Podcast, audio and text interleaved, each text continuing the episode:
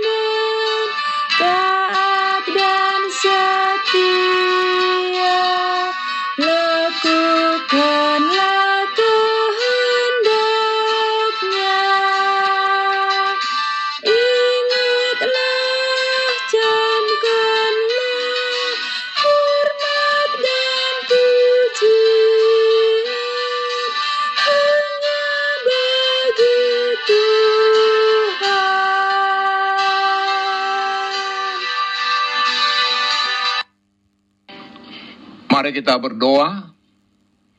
Tuhan, puji-pujian dan ucapan syukur kami naikkan kepadamu di pagi hari ini.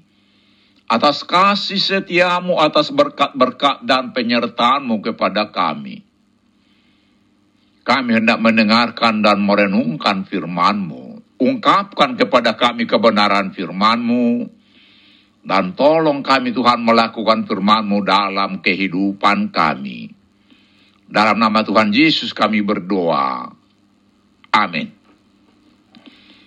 Saudara-saudara yang dikasihi Tuhan Yesus, firman Tuhan untuk kita renungkan di pagi hari ini Terambil dari Daniel 4 ayat 37 dengan tema perbuatan Tuhan benar dan jalan-jalannya adil, demikian firman Tuhan. Jadi sekarang aku, Nebukadnezar, memuji, meninggikan, dan memuliakan Raja Sorga, yang segala perbuatannya adalah benar dan jalan-jalannya adalah adil, dan yang sanggup merendahkan mereka yang berlaku congkak. Saudara-saudara yang dikasihi Tuhan Yesus, Nats ini dinyatakan Nebukadnezar ketika akal budinya pulih setelah menjalani hukuman Tuhan. Dia dihalau Tuhan dari antara manusia dan selama tujuh tahun harus hidup seperti binatang. Mengapa? Sebab dia tidak mengindahkan peringatan Tuhan melalui mimpi yang maknanya diberitahu Nabi Daniel agar tidak meninggikan diri di hadapan Tuhan. Nah, renungan ini mengingatkan orang percaya bahwa Tuhan menerapkan disiplin yang keras kepada manusia yang sombong. Semua manusia harus menyadari bahwa semua yang ada pada manusia adalah sementara dan adalah anugerah Allah semata-mata baik spiritualitas maupun kecerdasan manusia juga adalah karunia Allah, bukan bersumber dari diri manusia sendiri. Sikap sombong manusia adalah dosa yang amat dibenci Tuhan. Sikap sombong amat berlawanan dengan sifat dan kemuliaan Tuhan, sehingga Tuhan akan merendahkan orang yang sombong. 1 Petrus 5 ayat 5b. Saudara-saudara yang dikasihi Tuhan Yesus, renungan ini mengingatkan orang percaya turun-temurun untuk selalu hidup rendah hati dalam doa dan ucapan syukur, serta berpegang teguh kepada iman percaya akan kebangkitan Kristus. Kita adalah manusia hina yang berlumur dosa sejak kejatuhan Adam, tetapi Tuhan tetap mengasihi kita sehingga mau memberi anaknya yang tunggal agar kita tidak binasa melainkan beroleh hidup yang kekal. Kristus mati karena dosa manusia dan dia bangkit kembali. Dan setiap orang yang percaya akan kebangkitan Yesus akan dibangkitkan kelak dan dibawa masuk ke dalam hidup yang kekal bersamanya. Bandingkan dengan 1 Korintus 15 ayat 12 sampai 19. Karena itu, tetaplah berpegang teguh kepada iman percaya akan kasih keselamatan Kristus sepanjang hidup kita. Iman seperti itulah yang akan menempa kita menjadi orang-orang yang selalu rendah hati, yang membuang sikap sombong. Amin.